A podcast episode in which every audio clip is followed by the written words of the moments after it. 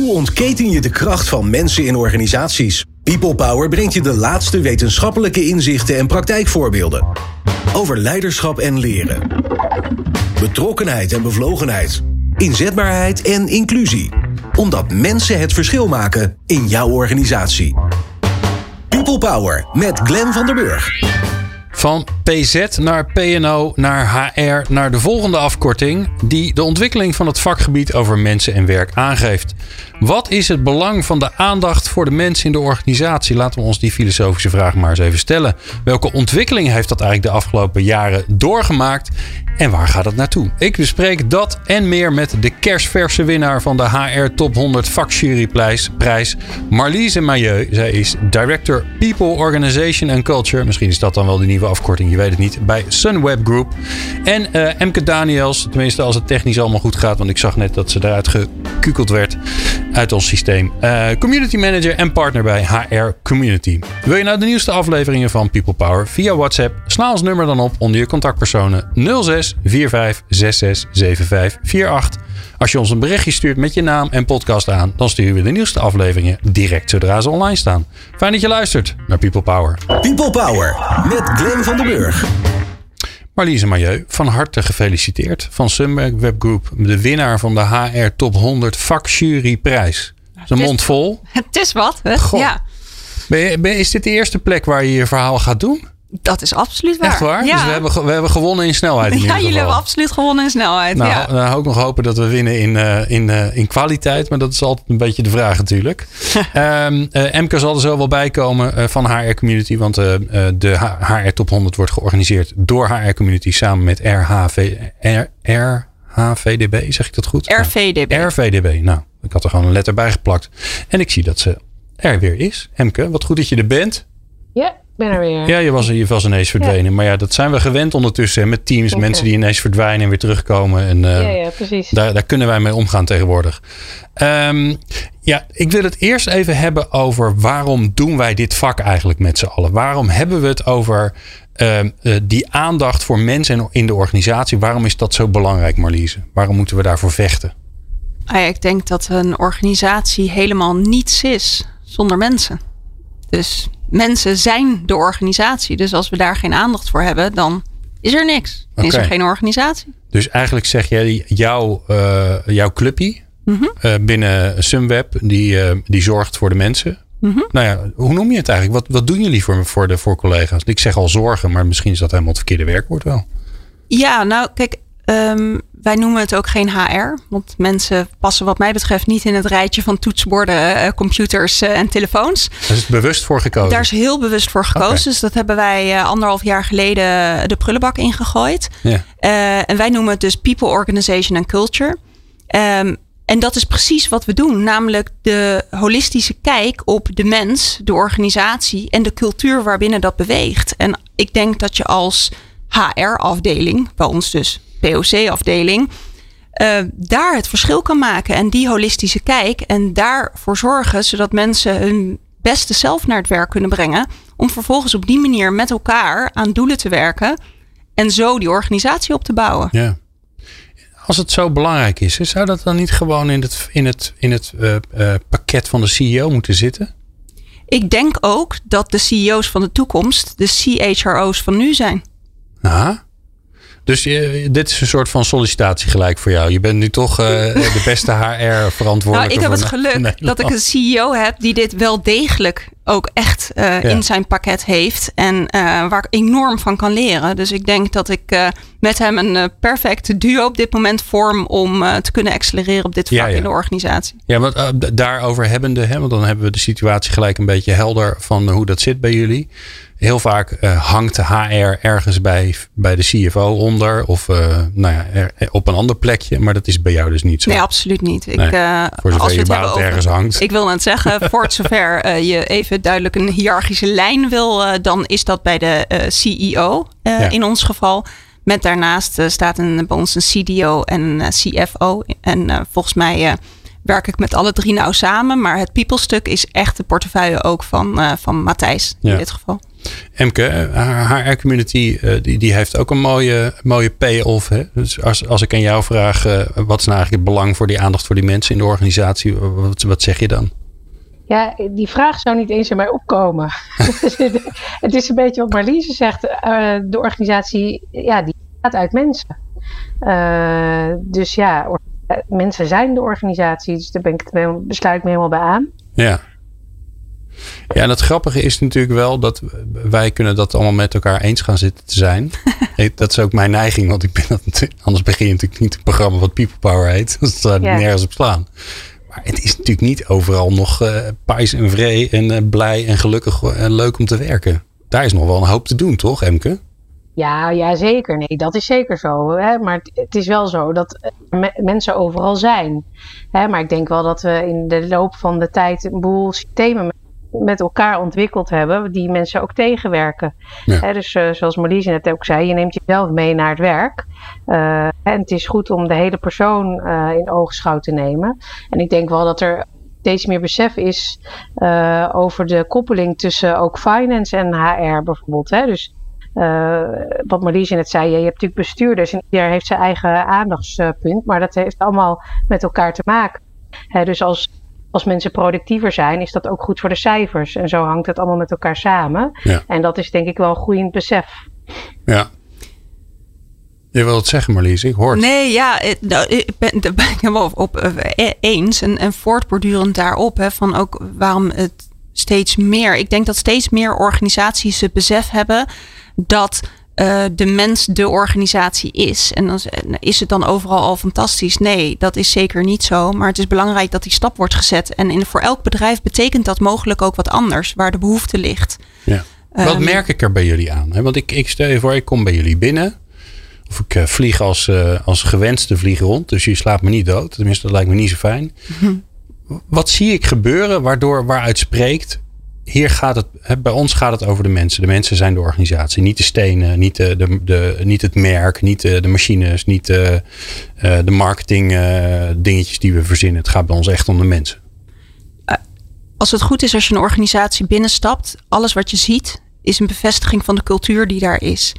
En de cultuur bij ons, wat je daarin ziet, is als je binnenstapt, zie je dus mensen met elkaar praten. Ze zitten niet achter hokken en schermen. Ja, op dit moment natuurlijk thuis hè, vanuit een scherm. Maar als je het kantoor zou binnenstappen, zijn mensen met elkaar in contact. Zijn met elkaar aan het sparren. Um, zitten leiders gewoon tussen de mensen um, en kan het okay, goed die zijn. Die hebben geen hokjes? Nee. nee. Niemand? Uh, nagenoeg niemand. Nee. Ja. Nee. En uh, een aantal waarvoor het werk op dat moment, uh, omdat hij veel in overleg zit, zie je dat wellicht wel. Maar nee, er zijn dus is heel veel ruimte om met elkaar samen te werken. En ik denk dat dat het verschil maakt. De energie, lachende mensen, uh, de mogelijkheid om echt je volledige zelf naar het werk te brengen, ontlokt, ontluikt zeg maar potentieel van mensen. En dat is denk ik wel wat je ziet bij ons. Ja. Emke, jullie doen dit natuurlijk al een tijdje, hè? Die, die HR Top 100. Ja. Wat, wat zie je nou eigenlijk gebeuren op dat vakgebied? Moet, moeten we van. Eh, er zijn ondertussen allerlei andere nieuwe afkortingen verzonnen. Maar is het niet zo dat je, ja, dat je misschien naar een soort nieuwe naam toe zou moeten? Uh, ja, nou, ik, ik, vind de naam niet zo belangrijk vaak, maar als, het, er gaat natuurlijk wel iets van uit. Hè? Maar we hebben in de loop van de jaren heel vaak met mensen gefilosofeerd over andere namen, inderdaad. Op een of andere manier zit daar blijkbaar wel iets. Maar wat het zou moeten zijn, ja, weet ik niet precies. Maar ik denk wel dat het pak steeds belangrijker wordt. En uh, zeker als je kijkt afgelopen jaar, dan wordt het wel onderstreept. dus dit was echt het jaar van HR, als je het mij vraagt. Oké, want? Ja, corona nou, snap ik, maar waarom dan juist nu? Nou, omdat mensen dus het verschil maken. Hè? Dus je ziet dat uh, als iedereen thuis gaat werken, dat die uh, zo'n laptop heb je wel geïnstalleerd. Het netwerk, nou, doet het niet altijd, hè? zoals bij mij net ook. Maar over het algemeen doet het dat wel. Hè? Dus die techniek, die hebben we eigenlijk best wel staan. En wat dan overblijft, hoe zitten de mensen erbij? Hè? Hoe productief kunnen ze zijn? Hoe, hoe gelukkig zijn ze? Hoe, hoe houden we ze verbonden aan de organisatie? Dus hoe, hoe werken ze veilig als ze wel eh, thuis moeten, als ze wel op kantoor moeten zijn of elders? En dat zijn allemaal uh, mensvraagstukken, allemaal HR-vraagstukken geweest. Ja, en zijn we er misschien ook met elkaar achter gekomen? Bij Sunweb deden ze dat al en op heel veel plekken deden ze dat natuurlijk al. Maar dat op het moment dat mensen op zichzelf aangewezen zijn dat ze eigenlijk hun werk gewoon prima doen. En dat ze helemaal al die regeltjes en toezicht en uh, ja, hoepeltjes die we bedacht hebben waar mensen doorheen moeten springen, dat, die, dat een groot deel daarvan eigenlijk alleen maar ballast is. Ja, zeker. Dat heeft het eh, denk ik echt onderstreept. En voor veel organisaties zoals uh, Sunweb is dat denk ik zij hebben een voorsprong, hè, omdat ze dat eigenlijk op die manier al uh, hadden georganiseerd. Hè. Dus het, uh, laag in de organisatie, de verantwoordelijkheid, werken vanuit vertrouwen. Hè, maar er zijn denk ik heel veel organisaties uh, die dat niet deden. En die mensen ook echt beoordeelden op hoe laat ziet Piet Puk achter zijn bureau en hoe laat gaat hij weer naar huis. En hoe kan ik het werk controleren. Ja, dat komt natuurlijk niet meer uh, door corona. En ik denk wel dat, uh, dat er bewijs is geleverd dat dat ook niet nodig is. Hè, dus ik hoop dat dat ook echt voor die organisaties een verandering teweeg heeft gebracht. Ja.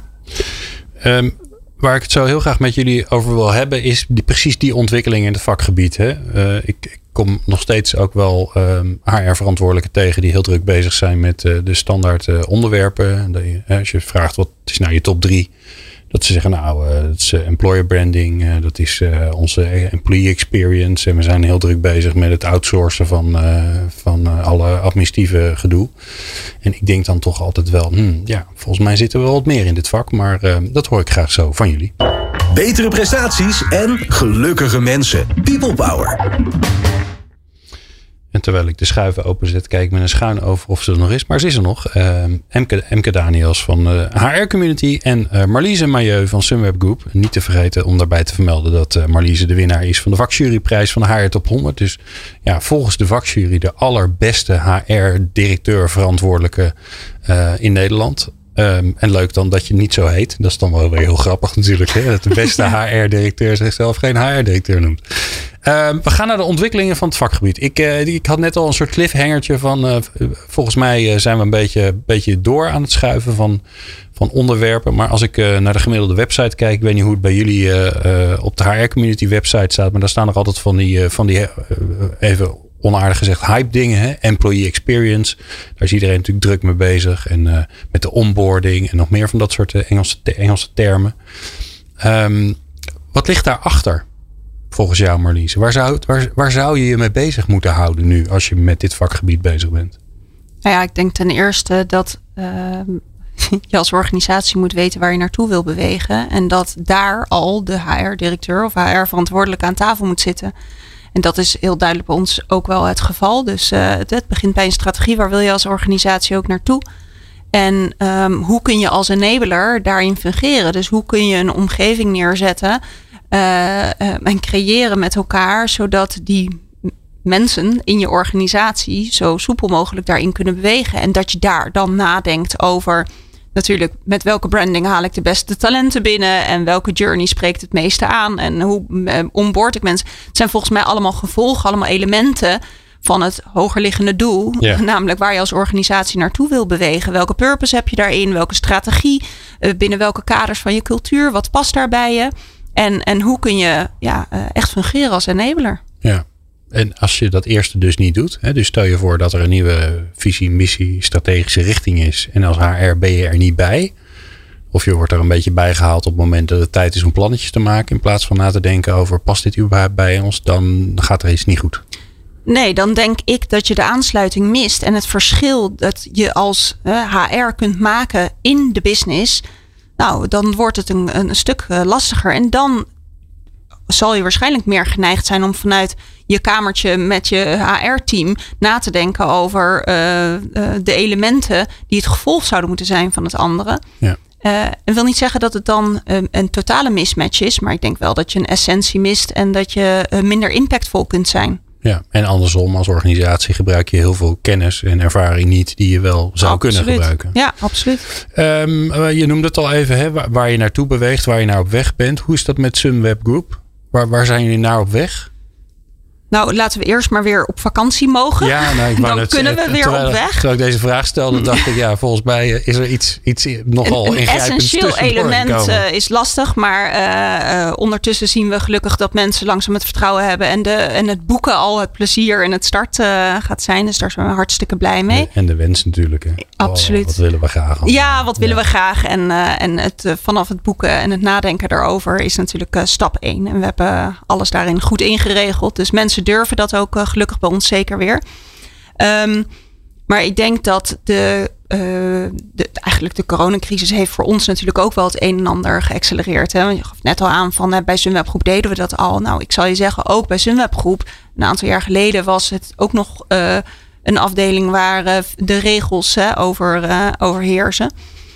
Um, dus we zijn in een transformatie en ik denk dat we dat nu absoluut aan het doen zijn. Van hoe kunnen we als uh, holiday expert, want dat is wel wat we zijn, met ons geweldige platform, want we hebben een, heel intelligent uh, technologisch platform. Hoe kunnen we die verder ontwikkelen, zodat we daadwerkelijk uh, die vakanties kunnen aanbieden voor iedereen? Want iedereen verdient het om een pauze even van de normale leven uh, te hebben en zichzelf weer op te laden. Ja, wat is dat wat dan wat jullie, waar, waar jullie naartoe willen? Absoluut. Oké. Okay. Ja, dus dat is wel wat, dat, ik denk dat we daar goed onderweg zijn. Maar als je ziet in binnen Europa die speler zijn die, waar mensen naartoe gaan, die holiday expert. Want we hebben natuurlijk echt die kennis van die pakketten hè, in, in huis. We hebben het platform. Uh, Joost, oprichter van, uh, van zijn webgroep, die is al in een heel vroeg stadium, hè, bijna 23 jaar geleden, online begonnen. Ze hebben redelijk weinig assets. Dus dat platform verder uitbouwen en, um, en echt op basis van intelligence de juiste keuzes kunnen maken en onze klanten kunnen voorzien van de hele, ja, in die hele customer journey. Dat ja. is eigenlijk waar het om gaat. Ja, en, ja, voordat we ineens, want het is natuurlijk een leuk onderwerp om over te praten, maar dan moeten we even op een andere zender. Ja. We hebben ook nog een lifestyle zender hier bij de Radiofabriek. Dan zouden we daar eigenlijk even over moeten schakelen. Maar dat gaan, we, gaan we wel een andere keer doen. Uh, maar als je daar dan naar op weg wil en dan komt dat corona tussendoor. Hoe hou je je daar dan aan vast? Want ik kan me ook voorstellen dat je dan dingen moet doen die, die je helemaal niet wil doen. Je, bent bezig met, met ontwikkelen, met groeien. Uh, en dan komt dit er tussendoor. Ja, dat, dat is toch vre ja, het is überhaupt vreselijk, maar voor jullie branche natuurlijk helemaal ongelooflijk ingrijpend. Dat is enorm ingrijpend. En uh, um, kijk, op het moment dat zoiets het intreden doet, dan uh, zitten je klanten, maar ook medewerkers op allerlei vakantiebestemmingen. En dan is natuurlijk veiligheid voorop. En dan is je eerste zorg om die klanten, maar ook onze medewerkers, daadwerkelijk veilig terug te halen. Wie weet niet hoe het is. Eerlijk gezegd, ik dacht, dit is uh, iets wat een paar weken duurt. Nou, we weten allemaal inmiddels dat ik me daar dan erg in heb vergist. Um, maar wij hebben wel vrij snel uh, onszelf gezegd: oké, waar willen we heen? Waar staan we voor? En hoe kunnen we ook een groep mensen um, rondom het thema na de crisis uh, bij elkaar zetten. En echt nadenken voor de lange termijn. Wat zijn de bewegingen die we zien? Wat verwachten we straks? Wat versnelt dit? Uh, wat vertraagt het mogelijk? Zodat we naast crisismanagement waar je in belandt, wel je blik ook op de langere termijn ja. houdt. Ja, om ook het gevoel te hebben dat er straks nog wat anders is. Absoluut. En dat is belangrijk voor de business. Maar dat is heel belangrijk voor de mensen. Dat perspectief hebben. Ja. Weten waar je naartoe beweegt. Ja. En wat mij het ingewikkelde lijkt ook, is dat je, uh, ik weet niet of dat helemaal niet of dat zo is bij jullie, maar de, ja, je, je, moet ook afscheid nemen soms van mensen. Jullie Absoluut. misschien ook wel. Ja, zeer zeker. Ja. En uh, met alle ge gevoelens van, uh, van onzekerheid van dien. Want je kan nog zo'n leuke werkgever zijn. Maar als je, het gevoel hebt dat je baan op de tocht staat. dan vind je je werkgever een stuk minder leuk. Dus hoe, hoe pak je dat dan aan? Nou, wat ik daar heel belangrijk vind, is dat we ons moeten realiseren dat we te maken hebben met volwassen mensen. Dat vind ik altijd. Dus dat betekent dat je ze moet vertrouwen met de waarheid en heel transparant moet zijn. Dus heel vaak was een boodschap niet per se leuk, maar ze wisten uh, welke stappen we mogelijk moesten nemen. En daarnaast denk ik dat ondanks dat iedereen wist dat ook wij onze organisatie moesten aanpassen en verkleinen, uh, dat de manier waarop we dat deden, dat die echt vanuit oprecht het helpen van de mens van werk naar werk. Ja. Uh, en we hebben inderdaad afscheid moeten nemen van zeer gewaardeerde collega's. En daar hebben we ook echt even bij stilgestaan. Ja, ja want jij bent uh, van de cultuur. Ja. Want dat zit in je, in je naam. Ja. En ik denk dat dat, uh, dat dat een mooie tip is voor alle HR-collega's om dat alvast even aan je naam te plakken. Om dat maar gewoon naar je toe te trekken. Ja. Maar die cultuur is natuurlijk in, in goede tijden is dat natuurlijk super leuk om daaraan te werken. Dan kun je allemaal, uh, allemaal uh, leuke dingen bij bedenken. Maar in dit soort tijden, in slechte tijden, ja, dan wordt het natuurlijk, klopt die cultuur echt. Dus ja, is waar, waar, de transparantie heb je al genoemd. Waar, waar merk je dan aan dat je afscheid van elkaar neemt in de Sunweb cultuur? Um, empathisch ruimte ervoor laten. Dus we hebben uh, heel helder geweest over het proces wat we gingen lopen. Heel helder geweest over wat de data daarin waren, de termijnen. Um, maar vooral ook die, dat empathisch. Dus we hebben de mensen die. Uh, waar de baan mogelijk van op de tocht stonden, daarin meegenomen. Maar ook de mensen die wel de toekomst ingingen en daar heel transparant over zijn. En met die mensen ook heel bewust afscheid genomen van de mensen die ons gingen verlaten. En daar mocht ook, we hebben echt drie weken, dat hebben we moment to reflect genoemd, met elkaar stilgestaan bij dat het systeem gewoon veranderde. Ja. Ja. En ik denk dat dat empathisch. Een soort, rouw, een soort ja. rouwmoment met elkaar. Ja. Van, dit is, dit, doet, dit is vreselijk voor, ja. voor, vooral voor de mensen waar je afscheid van neemt, maar voor niemand is het leuk. Voor de achterblijvers, voor die mensen, voor de organisatie. Ja, dat, is, dat moet je wel even. Welke rol speel jij daar dan in met je, met je team? Nou, sowieso begeleiden we dit proces. Uh, maar de communicatie komt vanuit ons team.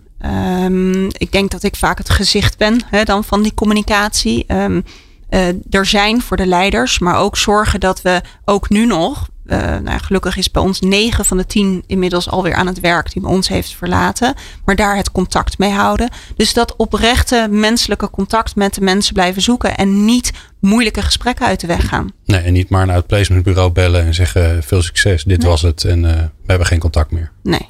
Mooi. Lijkt me niet passend. Mooi. En dat hoort dus ook bij want we hadden het even over de ontwikkelingen van de HR-vak. Maar ik vond dit wel een mooie manier om dat ook aan te geven hoe jij dat dan doet. Hoe dat daarbij past. Ja. En als je dit nou hoort, wat zou je er dan aan toe willen voegen? Wat, uh, ja, wat jij ziet gebeuren in die ontwikkeling van dat HR-vak? Een beetje, ja, maar dat is een beetje meer. Ik ben misschien te veel aan het sturen hoor, maar anders moet je me daarop corrigeren. En dat doe je toch wel. Uh, maar een beetje voorbij de, ja, het gehypte employee journey en, uh, en al die andere termen, die nog steeds belangrijk zijn. Ja, nou ja, ik denk dat zo'n journey natuurlijk is op zich prima. Er is niks mis met dat soort hype. Dus wat, het in ieder geval aangeeft, denk ik, is dat uh, uh, werknemers ook als uh, klanten worden gezien. En dat is denk ik een hele goede ontwikkeling. Maar het is natuurlijk wat Marliese zegt. Gaat, je moet niet alleen op de hype springen omdat je ook met de hype mee wil doen. Maar het is natuurlijk een middel, geen doel. En dat, dat zie je in HR inderdaad. Maar dus misschien wel in alle vakgebieden zo hoor. Wel eens dat zo'n middel en zo'n doel dan door elkaar worden gehaald, heen worden gehaald. Dus het een wordt dan opeens belangrijker dan waarvoor je het doet. Dus die context is natuurlijk heel belangrijk. En de context van Marlies is natuurlijk heel anders dan de, de context van een, nou, ik noem maar, een speler waar het heel goed is gegaan. Bijvoorbeeld een bol.com of, of, of, een andere partij. Ja. Uh, dus je kunt, wat dat betreft kun je natuurlijk niet iets uh, over het hele vakgebied zeggen. Maar het is denk ik wel zo dat uh, HR van origine meer reactief was. En inderdaad minder aan het roer zat. En dat dat wel echt aan het veranderen is. Oké. Okay. dus dat, dat, dat denk ik. Dat denk ik wel. Dus wat minder ondersteunend en wat meer richtinggevend. Ja, ja, en dat heeft natuurlijk ook heel erg te maken met je plek in de board. Hè, wat Marlies ook aangeeft. Als je niet bij de besluitvorming bent, ja, dan is er al heel veel gebeurd voordat, uh, voordat HR erbij komt. Dus dan ben je eigenlijk al te laat. Uh, en, en ja, toen ik begon met haar community een tijd terug was, uh, hoorde ik dat heel veel. Ik hoor het nu eigenlijk heel weinig. Maar het zijn misschien ook de mensen die ik spreek, zijn natuurlijk ook wel vaak voorlopers. Hè, maar HR zit eigenlijk bijna altijd in de board, hè, waar ik nu uh, gesprekken voer. Dus dat is wel echt veranderd. Ja. Ja, ik heb wel het idee dat dat inderdaad. Ik, heb, ik kom vaker mensen die in de studio waar ik mee praat. Uh, dat die ondertussen inderdaad lid uh, of onderdeel zijn van, uh, van het executive committee. Of nou ja, al ja. dat soort prachtige termen die we eraan geven. Maar aan de, ja. de club die de baas is, zeg maar. Ja. ja. Nee, dat, het, uh, dat is mooi. Dus het Calimero-effect van, uh, van uh, HR zit niet aan tafel. Dat begint langzaam te verdwijnen. Ja, ik hoor dat eigenlijk weinig. Maar dat komt, ik ben wel iets gekleurd, denk ik, door mijn positie. Hè? Nee, dus maar ik jij hebt natuurlijk al die, die, die helden van de HR tot 100, die heb jij gesproken. Precies, dus daar bot ik dan heel erg mee. Ja, ja. ja. Alright. Um, ik wil zo even een beetje meer inzoomen nog uh, op Marliese, want die heeft gewonnen. En uh, ik uh, zie een, een, heel mooi stukje tekst heb ik van de website geplukt. met de motivatie van de, van de jury waarom ze eigenlijk gewonnen heeft. En er staan allerlei mooie ja, termen in en daar waar we dan mooi op in kunnen zoomen. Want dat geeft weer misschien wel richting aan de vakgenoten waar ze welke kansen op gaan. Dus dat hoor je zo. Hoe ontketen je de kracht van mensen in organisaties? People Power. Marliese Mailleu, Sunweb Group en uh, Emke Daniels van HR Community zijn te gast in de studio.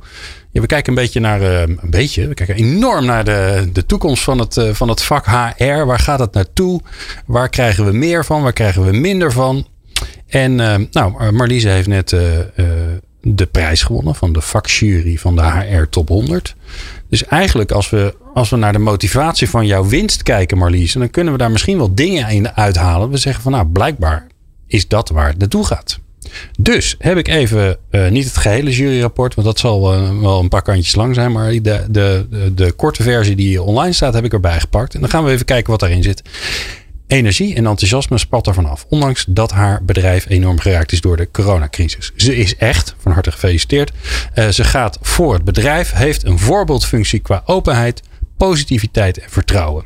Transparantie, eerlijk en vasthoudend. Dit ben jij dus allemaal, hè? dat is mooi je hebt het allemaal een keer gehoord, maar toen hoorde je het niet. Want je had toen net gewonnen. Dus je brein was met hele andere dingen bezig. Uh, ze zit echt in de cockpit van het bedrijf. Heeft een proactieve rol. Zit aan het stuur in het MT. Heeft snel geschakeld en doorgepakt. Om vanuit een kleinere organisatie versterkt en positief terug te komen. Nou, laten we eens wat dingen eruit pakken. Um, ik, wat ik erin zie. De proactieve rol. Daar hebben we het al een beetje over gehad. Maar laten we die er eens even uithalen. Waar zie je dat aan bij jou? Ja, goede vraag. het is, het is nogal wat zoveel mooie woorden nou, natuurlijk hè? om te horen. Dus dat is uh, fantastisch. het proactieve is dat ik probeer eigenlijk altijd wel twee stappen voor uh, te lopen. En te kijken wat gaat er op ons afkomen en hoe moeten we daarop inspelen. En, um, Geef eens een voorbeeld. Nou, dat is denk ik ook wel in, die, uh, in de coronacrisis aan het begin. Hè? Uh, niet alleen acteren op de situatie op dat moment, maar ook direct wat we hebben gedaan met het team, van uh, een sessie gehouden. Oké, wat komt er op ons af? Wat betekent dit? Uh, iedereen gaat thuiswerken. Wat betekent dat voor de future of work? Hè? Uh, ook gewoon wat, okay. wat beweegt er in mensen? Wat zijn de mogelijke scenario's die we kunnen hebben? En hoe kunnen we daarop inspelen? Zodat je zoveel als mogelijk elementen hebt kunnen benoemen die op je afkomen en je daarop voorbereid kan zijn. Ik zeg altijd tegen het team: ik wil niet weten hoe het er volgend jaar of het jaar daarna uitziet. Maar stel nou dat we dit proces of dit element moeten aanpassen. Hoe zouden we dat willen in uh, eh, 2030 of zo? En dan laten we maar eens fantaseren. Want dat is makkelijk terugbrengen naar wat moeten we dan nu doen. Ja.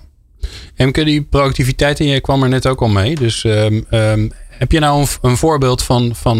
Want je hebt heel veel interviews gedaan, heel veel podcast interviews. En leuk om te beluisteren trouwens. Moet je even zoeken op HR Top 100 op je podcast app. Um, heel veel interviews gedaan met HR verantwoordelijken. Wat, wat, welke andere voorbeelden komen jou uh, borrelen daar naar boven als je het over die proactiviteit hebt? Nou, ik denk dat wat Marlies zegt, dat is het belangrijkste. Hè? Dus dat je, uh, ja, sorry, we zijn toch wij zijn het ontzettend eens. Wat fijn, wat ik, heb fijn, er niet, ik heb er niet uitgekozen. Helaas uh, zit ik niet, of nou eigenlijk gelukkig zit ik niet in de jury. Nee, maar wat inderdaad belangrijk is, is dat, dat het, hè, er komt ook weer een tijd na corona. En uh, het gaat over het perspectief bieden inderdaad aan, aan mensen. Dus wat ik heel erg sterk, je ziet even goed wel hoor, dat er wat golven zijn geweest in die podcast. Dus aan het begin was iedereen heel erg bezig. Hè, alle HR-directeuren heel erg bezig toch met veilig, hoe zorgen dat mensen veilig kunnen werken, dat er geen besmettingen komen en hè, dat mensen ook een, een, een laptop hebben en, en, al dat soort dingen en internet. Mhm. En toen kwam er een periode waarin de besmettingen wat daalden en toen zag je toch wel heel snel dat HR bezig ging met hoe gaan we straks weer terug naar kantoor. dus dat is denk ik een voorbeeld van dat, van dat proactief zijn. Uh, en toen kwam er wel een soort terugslag met een tweede golf. Um, maar om bijvoorbeeld te noemen, als een sollicitant nu solliciteert bij een bedrijf, dan wil die weten hoeveel uur moet ik straks naar kantoor en hoeveel dagen mag ik thuiswerken. Ja, HR of de organisatie zal daar een antwoord op moeten hebben. En dat, die zit dan wat dichterbij. Hè, maar je zult dus altijd al een aantal stappen vooruit moeten zijn uh, met wat er op je afkomt. En daar inderdaad scenario's voor hebben liggen. En ik denk wel dat HR-directeuren die daarin slagen, hè, om de, de, de crisis te overstijgen. En, en zeker zoals Marlies hè, zegt van oké, we kunnen ook daar ons voordeel bij doen. Uh, dat die uh, heel goed hier doorheen komen. Ja. Een andere mooie vind ik transparantie. Hè? Dat, dat zeggen we altijd heel makkelijk in een organisatie. Iedereen vindt dat tegenwoordig belangrijk. Maar als je dan vervolgens zegt, nou dat is mooi. Mag ik dan weten hoeveel jij verdient, geachte CEO? Dan zegt hij waarschijnlijk, nou dat staat in het jaarverslag. Dus dat komt dan al wel goed. Um, maar transparantie is ook heel spannend, Marliese. Dus hoe, hoe ziet transparantie er bij jullie uit? Dat is zeker op een aantal fronten spannend. Want dat betekent ook dat je eigenlijk alles best wel goed soort van ingericht en transparant en objectief doet.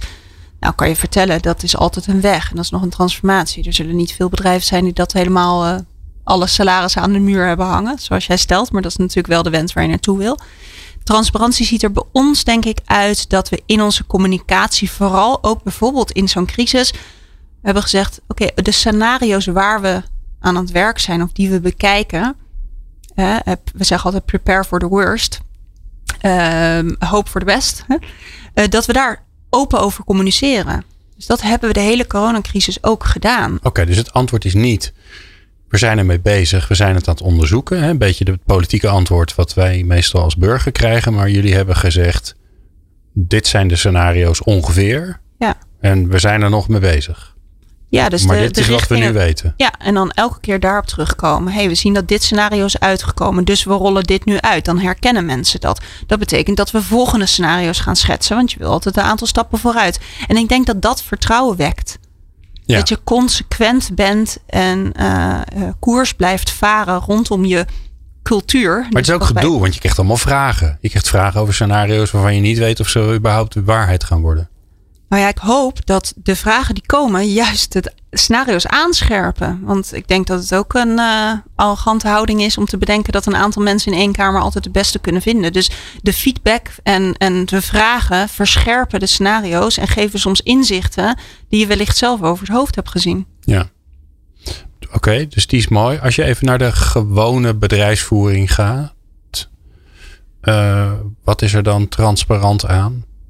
Omzetcijfers. Uh, dus kunnen, me, eh, kunnen mensen een gevoel krijgen bij hoe het gaat bij het bedrijf? Ja, ja dus uh, we hebben town halls, noemen we dat dan. En uh, dat is nu iets vaker, dus één keer in de drie weken. Dat begint altijd met een update. Waar staan we voor? Hoe gaat het? En dan kijken we vooral naar de belangrijkste KPI's in de organisatie. En dat is toch altijd de EBITDA-cijfers, de cash-cijfers, maar vooral ook de INPS.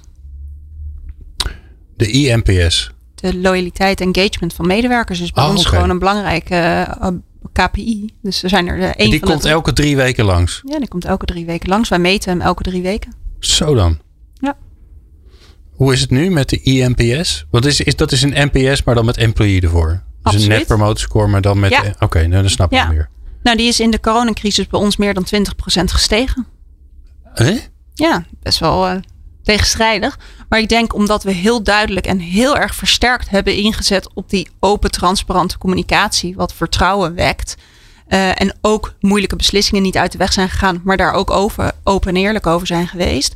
Uh, en ontzettende aandacht op de INPS. Dus met uh, de nieuwe CEO aan boord, met Matthijs ten Brink, is dit ook gewoon een van de bedrijfs-KPI's. we hebben ervoor kunnen zorgen dat dat gestegen is. Is het waar het moet zijn? Nee. Nee. Dat is niet waar het moet zijn. We zijn nog heel ambitieus. Dus we gaan nog uh, ontzettend groeien in de komende jaren. Nou, mooi. Dit, uh, de, de, energie en enthousiasme spat er vanaf. Hè. Dat was de eerste, eerste zin. Dat, dat komt wel goed. Um, uh, Emke Transparantie. Um, het klinkt een beetje als iets van, van de CFO. Hè? Van gaan we onze cijfers nou delen of niet? En hoe doen we dat? Maar is het, is het een HR-ding, vind jij? Hoort dat erbij? Ja, ik, denk zeker. En het, uh, een paar jaar geleden ging het ook vaak over, wat we net eigenlijk zeiden, mensen nemen zichzelf mee naar, uh, naar het werk, maar mensen zijn ook in staat om thuis hun eigen huishouden te runnen. Hè, dus daar houden ze ook hun eigen huishoudboekje bij. En regelen we de hockey en de gym en, uh, en uh, ze zitten in VVE's en in van alles. Dus je ja, behandelt mensen inderdaad als, als volwassenen en daar hoort ook transparantie bij. Dus ik denk dat dat inderdaad heel belangrijk is in je cultuur en dat HR daar een grote voorvechter voor moet zijn, ook in de board, om zoveel mogelijk transparantie te geven. Want als mensen snappen, als je mensen meeneemt in besluitvoering, dan snappen ze het eigenlijk vaak wel. En dan heb je denk ik later ook veel minder weerstand als, je als je beslissingen moet nemen. Ja. Het grappige is dat, maar dat, ik ben benieuwd hoe jullie dat zien. Um, want dat is zo'n anders, als ander woord uh, wat, wat heel vaak langskomt. Dat die, die um, doordat natuurlijk heel veel mensen thuis hebben gewerkt of uh, veel meer zelfstandigheid hebben gekregen omdat het nou helemaal niet anders kon. Hè, bijvoorbeeld in de mhm. zorg, omdat er gewoon een crisis was. Het moest allemaal geregeld worden en tijd voor uh, lang nadenken en plannen maken was er helemaal niet is er voor mijn gevoel een soort van bevestiging gekomen van mensen zijn eigenlijk best wel te vertrouwen. Ja, ja. Toch? Ja, of maar ik check dat even bij jullie. Want ik probeer ook een beetje mijn eigen bias uh, te omzeilen. Nou, dat niet alleen, maar mensen zijn te vertrouwen en ze zijn capabel. Dus dat hoort daar ook bij. Ja. dus te vertrouwen is één, maar ze kunnen het ook prima zelf regelen. En ik denk dat dat, eh, want we hebben nu elke keer, hè, we zitten HR op de borst te kloppen, maar voor HR is dat denk ik ook wel een besef. want HR heeft denk ik ook wel een sterke ontzorg neiging. En ook wel een sterke regelneiging. dus, maar eh, ook een controleneiging, toch? Ja, met, ja, ja, met, zeker. Ja, met het hele administratieve deel is het best ook wel een, eh, een controleclubje. Van, uh, mag jij deze opleiding wel of niet doen? Mag je deze declaratie wel of niet indienen? Ja. Zo vind ik het mooi in het uh, zeg maar personeelshandboek van Netflix staat dan bij de onkosten die je kan declareren staat uh, ja, één zin. We trust you to do the right thing. Punt. Punt. Ja, dat vind ik heel typerend voor uh, als je mensen vertrouwt dat ze volwassen zijn en het juiste doen. Ja. Staat dat bij jullie er ook al? Of? Nou, we hebben dat hele beleid nog niet. Dus dat, ja, dat is überhaupt nog geen beleid. Dat scheelt. Houden zo. Nee. ja, ja, nou ja, dat is zo. Dus ook uh, keur je vakantiedagen goed. Of ga je er gewoon vanuit dat ze vakantie nemen wanneer ze vakantie moeten nemen? Ja. Nou, ja ik wij... keur ze niet meer goed hoor. Nee? Nee. Onzin toch? Ja, nou, ik, ben, ik, weet, ik weet dat uh, jaren geleden zijn ze daar bij Microsoft in Nederland uh, mee gestopt. Misschien hebben ze het ondertussen weer ingevoerd, dat weet ik helemaal niet. Maar daar kwamen ze er een beetje, of in ieder geval een, een side effect was. Uh, dat mensen geen vakantie namen. Te weinig ja, vakantie. Ja. Nee, dus, dus wij hebben het wel nog in het systeem. Want mensen willen het wel kunnen bijhouden. Ja. Maar ze hebben alleen niet de goedkeuring uh, van de manager nodig. En dat hebben wij nu. Want wij testen eigenlijk alles zelf. Binnen het POC-team testen wij dat. Dus kijken wat er gebeurt. Ja. Maar het helemaal weghalen, zodat ze het niet kunnen bijhouden, is voor sommige mensen in de organisatie voelt juist tegenstrijdig en niet prettig. Ja. Dat klopt. Um, ik wil straks uh, gebruik maken van jullie uh, onmetelijke kennis. Uh, Emkes onmetelijke kennis van, van al die HR-helden die je hebt gesproken. En natuurlijk Marliese als, als winnaar. Ik blijf het herhalen totdat het echt vervelend begint te worden. um, om jullie advies te vragen voor jullie vakgenoten. En dat hoor je zo. Leiderschap, leren, inzetbaarheid en inclusie. De laatste inzichten hoor je in People Power. Ja, terwijl ik heel stoer zeg dat het uh, toch vooral over andere dingen gaat, uh, merk ik dat in mijn jingle gewoon ook allerlei uh, eh, HR-termen zitten. Hè? Fijn is dat, Emke. Um, ja. ja, je hoorde hem, hè?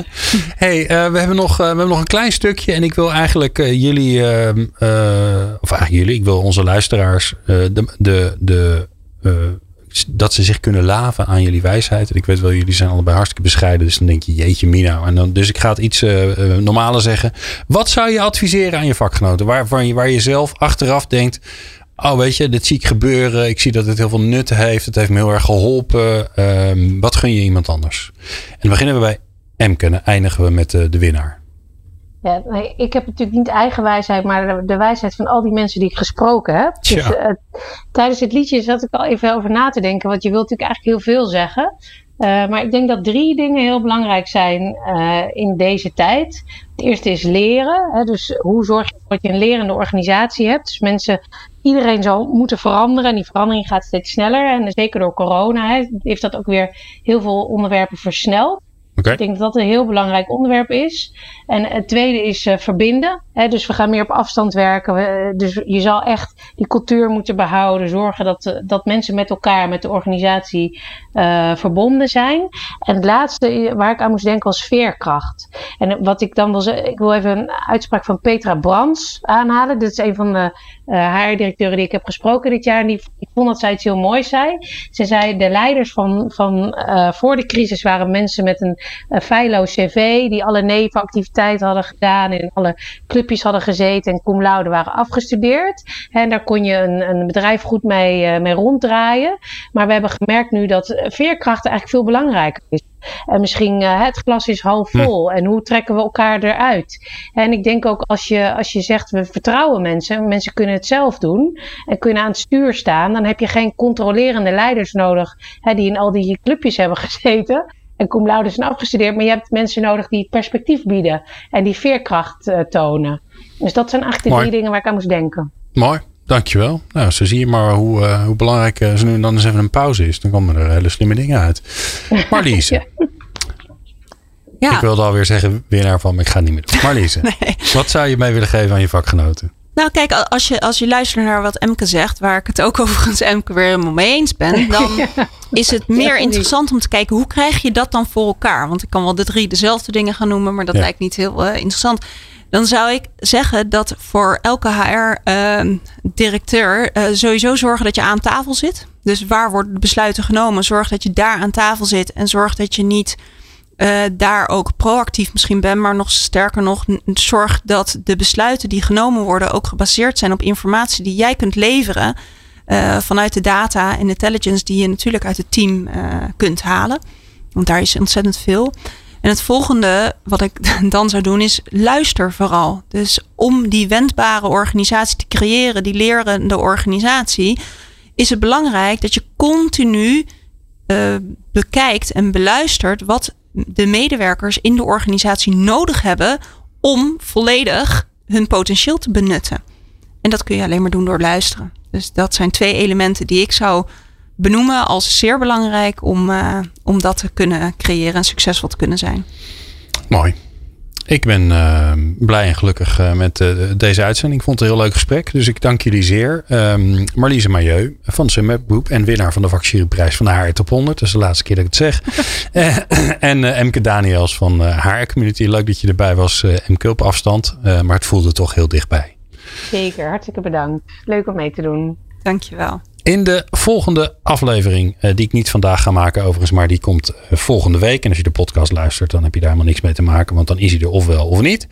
Uh, gaan we het hebben over een leven lang leren. Kijken we naar lerende organisaties. Ik kwam net ook al even langs. te gast zijn Jozef Kessels, emeritus hoogleraar Human Resource Development en oprichter van Kessels en Smit, bekend adviesbureau. En Tom Bos, algemeen directeur van Online Academy. die zijn allebei te gast. En, dan gaan we, en ik zie overigens ook dat de column gedaan wordt door Oudje Nauta. Nou, de feest compleet. Hebben we weer een mooie nieuwe aflevering van People Power voor je in petto dan. Dus ik dank jou zeer voor het luisteren. En wil je nog veel meer luisteren, dan kan dat natuurlijk via peoplepower.radio. Dankjewel. Meer afleveringen vind je op peoplepower.radio en jouw favoriete podcast app.